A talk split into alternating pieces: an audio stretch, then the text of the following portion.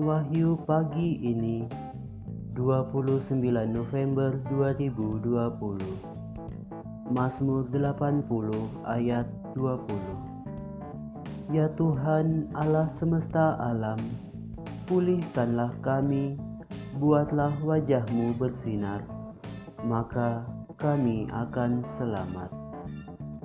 Saudara-saudari terkasih masa pandemi saat ini dapat menjadi kesempatan dari Tuhan untuk memulihkan alam semesta demi keselamatan kita.